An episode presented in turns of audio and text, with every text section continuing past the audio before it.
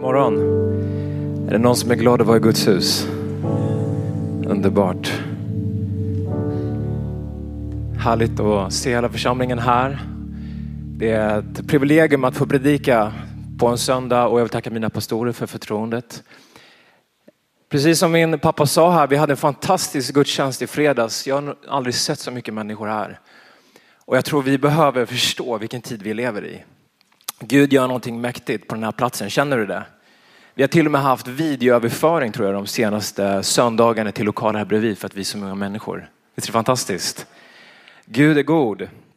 Och vi har haft underbara böneveckor och jag har ett budskap till dig den här morgonen som jag känner är lite inför det här året som ligger framför dig. Eh, jag fick ett budskap under julledigheten. Tidigt en morgon när jag var på gymmet faktiskt så, så bara fick jag som en bild framför mig. Och jag upplevde att det var Gud som gav mig den bilden. Eh, och jag tror det är ett budskap till dig den här dagen.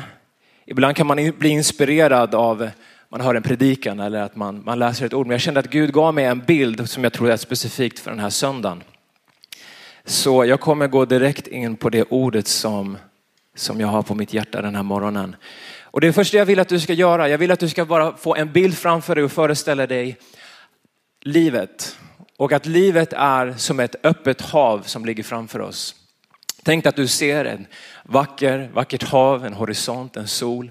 Och jag vill att du ska bara föreställa dig att det här är havet. Och jag vet inte om du har haft så mycket erfarenheter med att vara ute på havet med båt och sånt där. Men det är någonting som jag har fått växa upp med.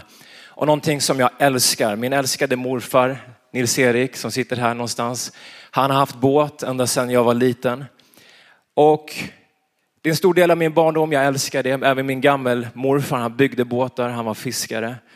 Så jag har varit mycket på havet när jag växte upp och jag vet inte om, om du har varit ute på havet, men någonting man blir när man kommer ut på ett öppet hav, det är att man blir väldigt ödmjuk. För man förstår hur liten man är i sammanhanget. Hur stort allting är och hur liten man är och hur stor risk det finns med olika saker man kan möta på havet. Men samtidigt som man blir ödmjuk och man, man får respekt för havet så är det också ett äventyr. Man åker ut, man sätter ut, man är på väg någonstans, man ska upptäcka någonting nytt. Och jag kan bara tänka mig förr i tiden när man byggde sina skepp och satte ut för att upptäcka ett främmande land eller kultur och för att sätta sina fötter någon annanstans. Så jag vill bara att den här morgonen att du ska föreställa dig ditt liv som ett öppet hav. Är du med mig så långt? Och ditt liv på det här havet är att du sitter i den här båten. Du kan ju inte klara dig om du inte sitter i en båt på havet. Så att ditt liv är en båt på det här havet. Och varje båt, varje skepp som, som rör sig på havet har alltid en, en destination. Är alltid på väg någonstans. Om den inte har en destination så kommer det, det kommer inte gå väl för den där båten. Den kommer hamna fel eller den kommer Bensinen kommer ta slut, det kom, maten kommer ta slut, det kommer inte funka. Ett skepp, en båt har alltid en destination. Det är alltid på väg någonstans. Och precis på samma sätt så har ditt och mitt liv, vi har en destination på det här havet vi befinner oss i som är livet. Och det finns antingen två sätt som vi försöker hitta den här destinationen. Och vad destinationen är i ditt liv, det kan vara olika saker. Det kan vara platsen där man tror och känner det här, det är där jag kommer känna, hitta glädjen. Det är där jag kommer hitta min frid. Det är där jag kommer hitta meningen med mitt liv. Det kan vara platsen där vi har en ekonomiskt oberoende. Eller karriären som jag är på väg att kliva in i. Eller utbildningen som jag är på väg in i. Att man tänker att bara jag når fram dit så har jag nått min destination. Det kan vara att, att finna kärleken. Det kan vara framgång. Det kan vara flera olika saker. Och och det kan bli destinationen där vi sätter vår kurs. Om jag bara når dit fram så finner jag meningen, så finner jag glädjen i livet och lyckan på det här stora havet. Och för att vi ska nå den här destinationen så, så bygger vi vår båt med ett material som vi tror ska hålla för att vi ska komma dit. För att om din båt inte är byggd av rätt, rätt material så kommer den inte tåla alla stormar, alla vindar, alla slag den kommer att möta på det här havet. För att även om ett, ett hav kan vara vackert så kan det vara skräckinjagande. Och precis på samma sätt så är livet någonting vackert men det kan också vara något skräckinjagande. Vi kan gå på grund, vi kan hamna fel. Och därför försöker vi människor, vi försöker bygga vår båt av ett material som vi tror kommer ta oss till den där platsen. Och det kan vara olika saker vi bygger vår båt av. Det kan vara av, av pengar, det kan vara materiella saker, det kan vara inflytande. Det kan till och med vara av våra egna gärningar, vår religion. Som vi tror att det här kommer bära mig till den här platsen som jag, som jag längtar efter. Och när vi ser det som sker i det här landet så ser vi att, att människor är till och med redo att, att döda för att nå dit de vill. När man ser all, all den här kriminaliteten, alla de här skjutningarna och sprängdåden som sker. Tänk att människor är villiga att döda för att uppnå en status. För att få pengar, få ekonomi, eh, ekonomiska medel. Och de, deras destination är att om jag får den här statusen och de här pengarna, då kommer jag bli lycklig. Då kommer jag få en mening. Så vi alla bygger vår, vår båt av olika material oavsett om vi är kristna eller okristna eller vart vi än kommer ifrån. Så antingen så, så tror vi att den där destinationen som jag har framför mig, där kommer jag få mening. Eller kan det vara andra diket att vi har inget mål, vi har ingen destination. Vi bara åker runt på det här havet och vi irrar runt omkring i cirklar om och om och om igen och vi kommer aldrig någonstans med våra liv. Istället så drivs man bort med strömmar Istället för att vara på väg dit Gud vill med ens liv så bara åker man iväg med strömmar och man, åker, man kastas av vinden och man hamnar på helt fel plats i sitt liv. När jag var på Wow Festival den här sommaren, så, förra sommaren, så hade vi en, en incident. Det kom en kille som kom springandes till mig och han ropade Pastor Mikael, du måste skynda dig. Det har hänt en, en, en jättestor farlig sak nere vid stranden. Så jag bara springer allt vad jag kan ner till stranden. Och där står en kille som säger att min kompis har åkt ut med en kanot och han kan inte komma tillbaka in. Jag har hans telefon här och hans diabetesalarm har ringt fem, sex gånger. Han behöver ta sitt insulin. Och han är på andra sidan, långt ut på andra sidan. Den här eh, stora, stora eh, genomfarten där vi var. Och han kan inte ta sig tillbaka. Så att vi bestämmer oss för att gå till närmsta hus där vi ser att det finns en båt och vi ber den här grannen, kan vi snälla få låna din båt? Det är en liten kille som har åkt ut här och han kan inte ta sig tillbaka. Och varför han inte kunde ta sig tillbaka, det var för att när han hade åkt ut så hade han kommit till andra sidan, men han kunde inte ta sig tillbaka på grund av den strömmen som hela, och vinden som drog honom tillbaka till den andra sidan. Så vi satte oss i en båt, vi åkte ut till honom och jag har aldrig sett en, en, en kille skämmas så mycket. Men vi satte honom i vår båt och vi bara tröstade honom och gav honom kärlek. Men precis så här kan det vara i våra liv ibland, att vi sätter oss i vår båt och, och, vi har inte riktigt något mål och då åker vi iväg och sen vet vi inte hur vi ska komma tillbaka för att, för att vi har åkt så långt bort. Men mitt budskap den här dagen är att det är aldrig för sent. Gud kan alltid ta dig tillbaka dit du ska vara.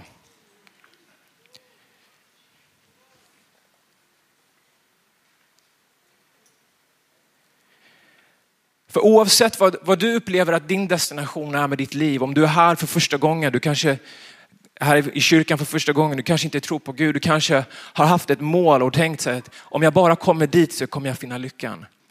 Eller vi som kristna kan ibland till och med längta efter, om jag bara har det där så kommer jag bli lycklig. Men oavsett vad du känner att destinationen för ditt liv är så vill jag säga till dig den här dagen att Gud har en destination för ditt liv.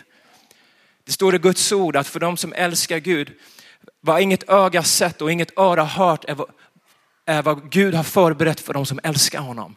Han har någonting fantastiskt förberett. Han har en destination för dig, för ditt liv, för din familj som han vill att du ska sätta in din kurs till.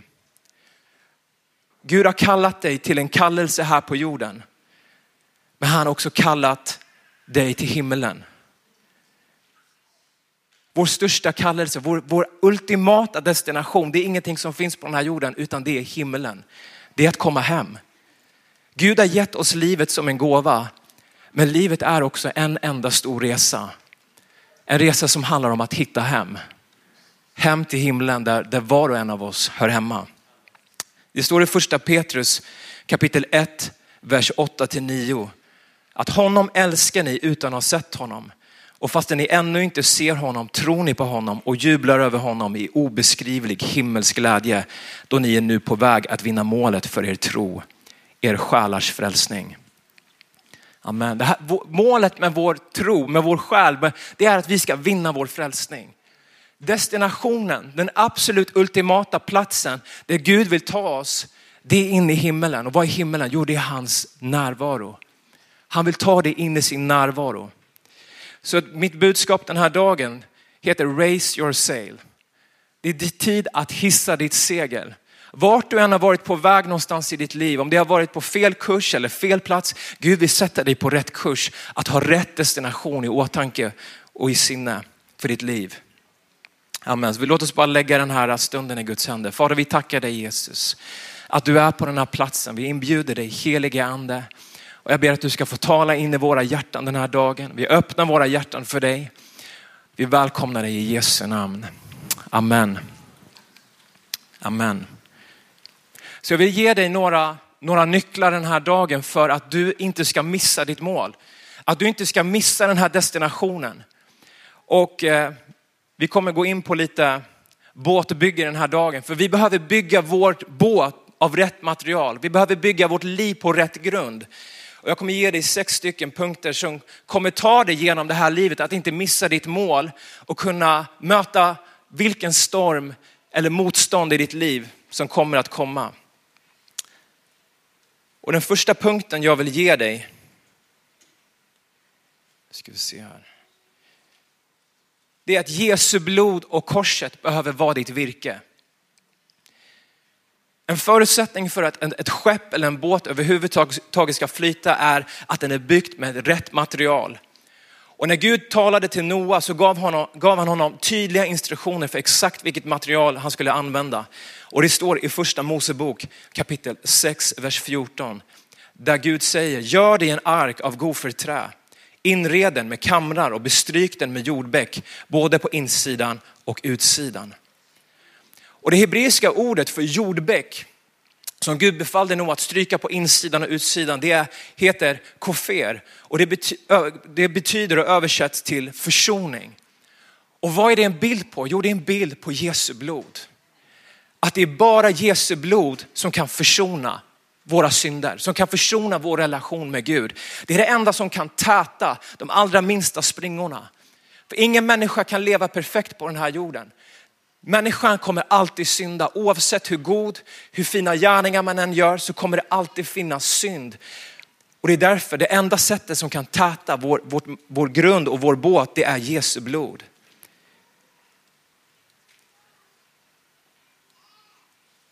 Men vi kristna kan ibland hamna i diket av att vi försöker bygga vår grund, vi börjar bygga vår båt på våra gärningar istället för på vad Jesus gjorde på korset. För att det trät vi behöver bygga vår båt, det behöver vara av korset. Verket som Jesus gjorde på korset. Och det här träslaget som Gud befaller Noa att bygga, gå för trä. det är träd som ingen teolog egentligen kan, kan eh, specificera vad det var för slags träd. För det nämns bara en gång i Bibeln. Och det var ett okänt träslag. Precis på samma sätt så, precis som korset är någonting fördolt för den här mänskligheten, för den här världen. För mänskligheten är korset en dårskap. Och när människor ser att du bygger ditt liv på korset, att du ber, att du söker Gud, att du fastar, att du kommer till församling. Folk kommer håna dig. För de, det är någonting okänt för människan. Men för oss som tror så är det en frälsning. Och grunden för våra liv, för att vi ska hålla igenom alla stormar vi kommer gå igenom, om vi går på grund, det är att vi bygger våra liv på korset och Jesu blod. Vi kan inte bygga våra liv på våra gärningar, på, på pengar, på en karriär eller en utbildning. Det kan inte bära oss. Det är någonting fantastiskt som vi ska ha med oss. Men det kan inte vara grunden till att vi ska ta oss igenom det här livet. Det enda som kan ta oss är Jesu blod och korset. Den andra punkten är att din karta och kompass är Guds ord. Psalm 119, vers 105 säger, ditt ord är mina fötters lykta och en ljus på min stig. Det enda som kommer göra att vi hittar rätt på det här gigantiska havet som är livet, det är att vi har Guds ord. Det är att vi blir vägledda av hans ord, att det är ljuset för våra fötter på stigen vi går i. Och om du är ute på havet så behöver du också karta och kompass för att kunna navigera dig, för att kunna hitta rätt. Det kallas för ett sjökort.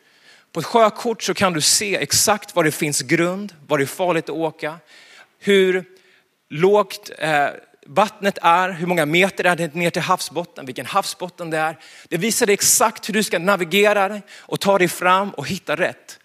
Precis på samma sätt så behöver Guds ord vara vår karta och vår kompass. Det kommer hindra dig från att gå på grund. Det kommer hindra dig från att hamna på fel plats. Det kommer hindra dig att fatta fel beslut, att vara för fel personer i fel tidpunkt. Det kommer beskydda dig, det kommer leda dig till varje plats där Gud har förberett någonting på vägen till din slutgiltiga destination. Gud sa till Josua att låt inte denna lagbok vara skild från din mun. Tänk på den både dag och natt så att du håller fast vid den och följer allt som är skrivet i den. Då ska du lyckas på din väg och du ska ha framgång. Guds ord kommer ge dig framgång. Guds ord kommer beskydda dig. Och vi kliver in, tror jag, i den mest förvirrade tiden i mänskligheten. När allting blir mer svårt att urskilja, vad är det som stämmer? Hur ska man göra här? Det smyger sig in i kristenheten, i kyrkor, hur man talar, hur, hur man väljer, utväljer ledare. Och du behöver ha Guds ord som måttstock. Inte människan, inte någon annan filosofi, inte någon felaktig doktrin eller tolkning. Du behöver ha Guds ranna, sena, sanna och rena ord. Det är det enda som kommer leda dig rätt på det här havet. Den tredje punkten är att ditt segel är din tro. En segelbåt kan inte segla utan ett segel. Den är dömd att stanna, den är dömd att vara kvar, att drivas med, vind, med, med vågorna. Och på samma sätt så kan du inte ta dig fram på det här havet som är livet om du inte hissar ditt segel. Om inte du hissar din tro. Det står i Jakobs brev kapitel 1, vers 6. Men han ska be i tro utan att tvivla, ty den som tvivlar liknar havets våg som drivs och piskas av vinden. När Gud mötte sina lärjungar ute på havet när de var mitt i en storm och han kom gåendes på vattnet så bad han Petrus, kom, kom till mig Petrus. Och Petrus klev ut ur båten och började ta steg i tro och det höll de första stegen han tog. Men så fort han började kolla på vindarna och stormarna och vågorna och omständigheterna så började hans tro vackla och han började sjunka. Precis på samma sätt om vi inte lever utav tro kommer vi sjunka. Om vi inte lever utav tro, om vårt segel som ska representera vår tro, om det börjar få hål i, i sig, du kommer inte kunna verka. Vi kan inte ens komma inför Gud om det inte är av tro. Men om vi tror så säger Jesus i Markus kapitel 9, vers 23 att allt förmår den som tror. Om du hissar ditt segel, om du lyfter din tro oavsett vad du går igenom, då kommer du se att ingenting kommer kunna stoppa dig. Jesus säger själv, allt förmår den som tror. Tror du på det? Men ett segel utan vind är också obrukbart, eller hur? Och vad är vinden i ditt segel? Jo, det är den helige ande. På samma sätt som ingenting kan ske om inte vi har den helige ande i vårt segel. Så är det som ett segelbåt som inte har vind i sitt segel. Vi behöver den helige ande. Utan den helige ande kan vi inte göra någonting. Jesus sa till sina lärjungar innan han lämnade dem att jag kommer inte lämna er ensamma utan jag sänder en hjälpare. Och han, Jesus säger när, när han kommer över er så kommer ni få kraft att vara mina vittnen. Att gå ut och göra alla folk till lärjungar. Och Guds ord beskriver den helige ande precis som en vind. Det står i Apostlagärningarna kapitel 2, vers 2. Då kom plötsligt från himmelen ett dån som när en våldsam storm drar fram och det fyllde hela huset där de satt. Så att den helige ande, det är vinden i ditt segel. Förutsättningen för att den helige ande ska kunna verka genom ditt liv, det är först och främst att du har hissat ditt segel. Att du har lyft din tro. Men sen är vi beroende av den helige ande som är vinden. Men precis som du och jag, vi kan inte kontrollera vinden. Precis som ett vindkraftverk är beroende av att vinden kommer när den vill för att den ska skapa energi så kan inte vi styra över vinden. Men hur kan vi inbjuda den helige ande i våra liv? Jo, det är när vi böjer våra knän. När vi ödmjukar oss, när vi omvänder oss, när vi ber om förlåtelse och när vi är lydiga. Vill du ha vind i ditt segel? Lyd den helige ande. Lyd den stilla rösten som säger vänd din blick från det där. Tänk inte det där. Säg inte det där. Att man börjar be den helige ande, inbjuda honom att kom, hjälp mig. Var min hjälpare. Så många gånger har jag kommit på mig själv, jag har gått i min egen kraft. Jag har fattat beslut utan att ens inkludera den helige ande. Och jag har blivit konfronterad, jag måste inbjuda den helige ande varje dag i mitt liv. När jag har stått still i mitt liv, då har det varit för att jag inte har tillåtit den helige ande att forma mig eller göra det han vill i mitt liv. Han är vinden, han kommer när han vill.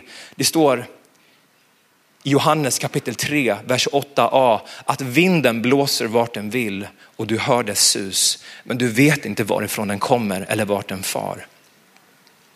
Om det inte är hans vind som tar oss framåt, då är det någonting annat som kommer ta oss till fel plats. Då är det en ström som tar dig. Då är det vågorna som kastar dig till en plats där du inte vill vara. Så vi är fullständigt beroende av den helige ande, vinden i vårt segel. Den femte och näst sista punkten är att ditt roder är din mun. Det står i Jakobsbrevet kapitel 3, vers 4 till 5. Se också på fartygen som är så stora och drivs av hårda vindar. Ändå styrs de dit rorsmannen vill med ett mycket litet roder. Så är också tungan en liten lem men kan skryta över stora ting. Tänk på hur en liten eld kan antända en stor skog. Amen. Bara för att den helige ande kan ta oss framåt så är du i kontroll av ditt liv i slutändan.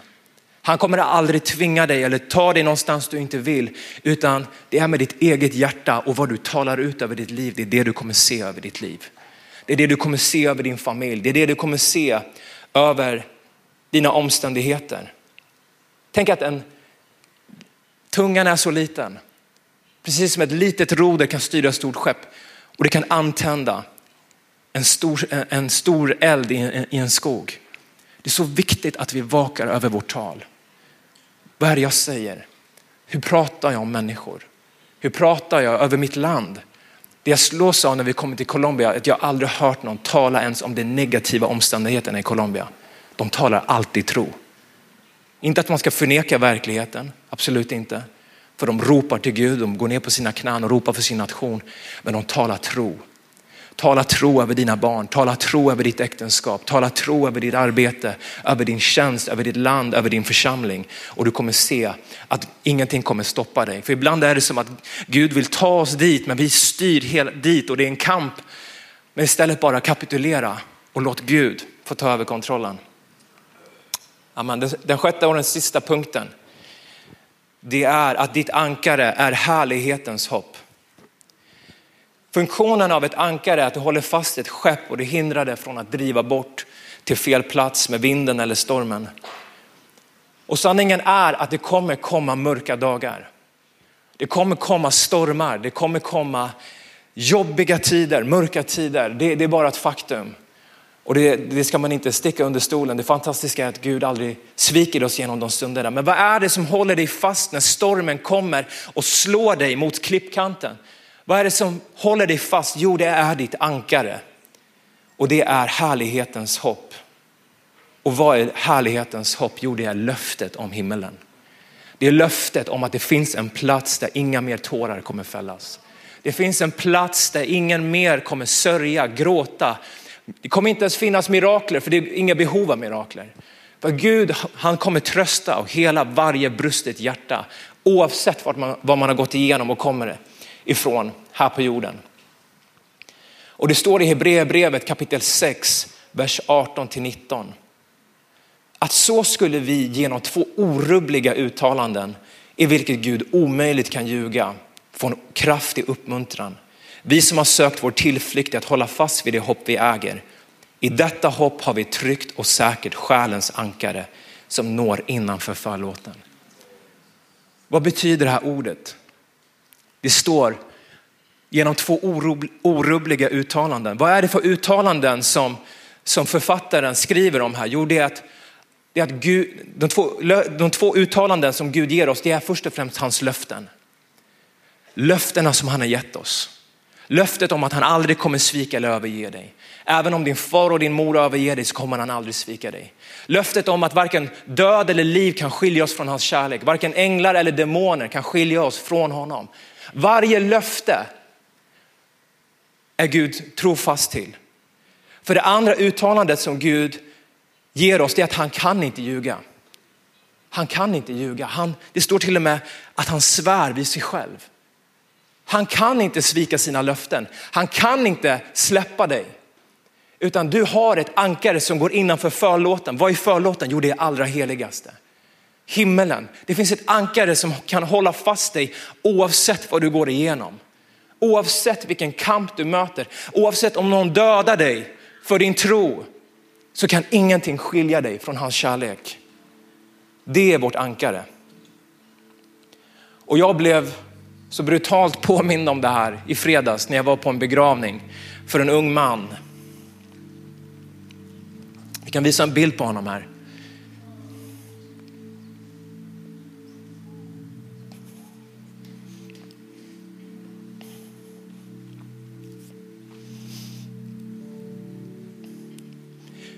Han var bara 30 år gammal. Och det mest onaturliga upplevelsen man kan erfara det är att gå på en begravning när en, en ung person får lämna den här jorden. För det är inte meningen att en förälder ska begrava sitt barn.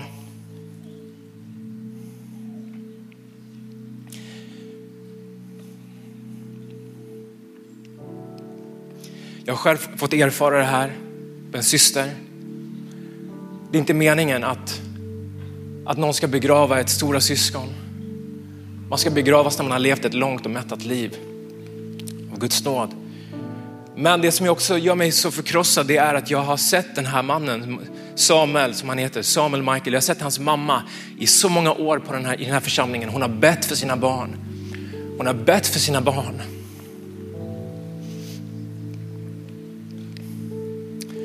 Hon har krigat för dem. Och en efter en av dem har kommit till församlingen. Och han kom till församlingen söndagen innan han gick bort, några dagar innan. Han kom hit, han tog nattvard. Och jag känner en sån övertygelse och visshet att han är idag med sin far i himmelen.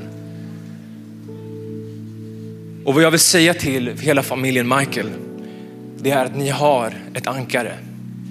Ni har ett löfte från Gud som han aldrig kommer svika. Och den här dagen så vill jag bara uppmuntra er om ni, om ni sitter hemma och tittar eller om ni är här idag, jag vet inte, men att, att Gud är trofast sitt löfte. Han är trofast i er familj, han tröstar er och, och varje person som sitter här inne som kanske går igenom dödsskuggans dal. Vi hade förbön här efter fredagsgudstjänsten, det kom fram människor som berättade de mest fruktansvärda situationer man kan föreställa sig. Tragedier. Och om du är här idag, om du lyssnar hemma, ge inte upp. Du har ett ankare och hans namn är Jesus. Det står efter den här versen att han är översteprästen som går in för våran skull. Och om du är här den här dagen och du känner att du är på väg att ge upp, du kanske känner att du har varit på fel kurs i ditt liv. Det här är dagen Gud vill sätta dig på rätt kurs. Jag vill också dedikera den här predikan till, till den familjen, till familjen Michael, till Samuel den här dagen. Men det jag också vill säga den här dagen när vi börjar gå mot avslutning, att det här ordet, den här predikan handlar inte bara för den som inte tror, det handlar lika mycket för mig. För även om jag står här som pastor så är jag inte färdig. Man kan hamna på fel kurs i sitt liv. Man kan börja svänga åt fel kurs fast man vet att det är dit jag ska men helt plötsligt så, så börjar man få hål i sitt segel. Eller man börjar tala ut saker, man börjar åka till fel plats. Man ser andra personer, man ser människor som har byggt sina båtar och bara wow vilken fantastisk båt. Jag vill hellre vara på den där båten där de njuter av livet. Men den där båten är byggt på allt annat än blodet och korset och de är på väg mot en evig död. Vi behöver ha fokus på vart vi är på väg som kristna, som troende, som Guds söner och döttrar. Paulus säger till oss att vi ska jobba på vår frälsning ständigt. Så jag vill också att du den här dagen som hör ordet, bara rannsaka ditt liv. Är jag på väg mot rätt destination? Har jag haft blicken på allt det här mänskliga, jordliga, att det har varit mitt mål, att om jag kommer dit, men vi behöver se himlen. Vi behöver se vårt hem, att vi är på väg hem. Det är vår destination och det är dit Gud vill ta dig och mig.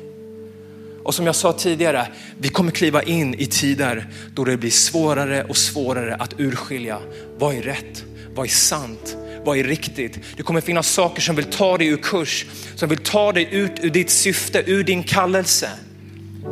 Och därför behöver vi vakna upp. Vi behöver vakna upp. Vi kan inte leva slentrialt. Vi kan inte leva utan att vi lever genom ordet, genom bönen. Vi kan inte vakna upp och gå ut i vår egen kraft.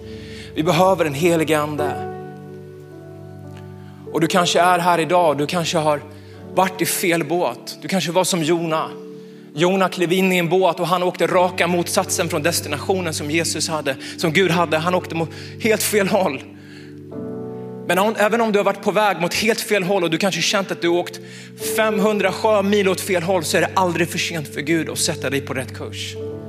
Det här är dagen för frälsning. Du kanske känt att du har gjort fel saker, varit på fel plats, haft fel fokus. Gud kan ta dig in på rätt kurs för ditt liv. Det är en bråkdel sekund av en bön ifrån att du säger Gud, jag släpper taget. Jag ger dig rodret för mitt liv. Från den här dagen, sätt mig på rätt kurs. Du kan ha gjort så många fel och misstag. Du kan ha skadat din familj, du kan ha skadat ditt äktenskap, du kan ha skadat människor. Det spelar ingen roll vad du har gjort. Gud kan vända allting i rätt kurs den här dagen. Du kanske känt att du har varit skeppsbruten, att du har fastnat på en plats i ditt liv och du har varit på, på en öde ö och du vet inte hur du ska ta dig ifrån. Ibland så vill fienden göra att vi blir skeppsbrutna, att vi hamnar på den här isolerade ön och det var precis det som hände Paulus. Paulus blev skeppsbruten. Och det var som att fienden ville ta honom ur sin kallelse för att på den här ön så blev han till och med ormbiten. Han, fienden försökte döda honom. Men ing, inget gift hade någon verkan på honom. Och på samma sätt så vill Gud, han, han vill ta dig in i ditt syfte och din kallelse. Du har känt att du kanske har tagit emot gift. Du kanske har känt att du har varit isolerad på en ö, men Gud han vill rädda dig den här dagen. Han vill lyfta dig ur den här isolerade ön och sätta dig i hans båt och ta dig i rätt riktning för ditt liv och din familj. För det är just det det handlar om. Det handlar inte bara om oss själva, utan det handlar om att på den här båten vi har så vill vi ha med människor, eller hur? Vet du sak, när du åker med din båt längs det här havet så kommer du se människor som håller på att drunkna och dör i vattnet. Och de ropar efter hjälp. Kommer du ha plats i din båt? Kommer ditt, din båt hålla att ta emot människor i ditt liv? Och det kan ske när vi bygger vår båt, vårt liv på, på rätt grund. Amen. Amen.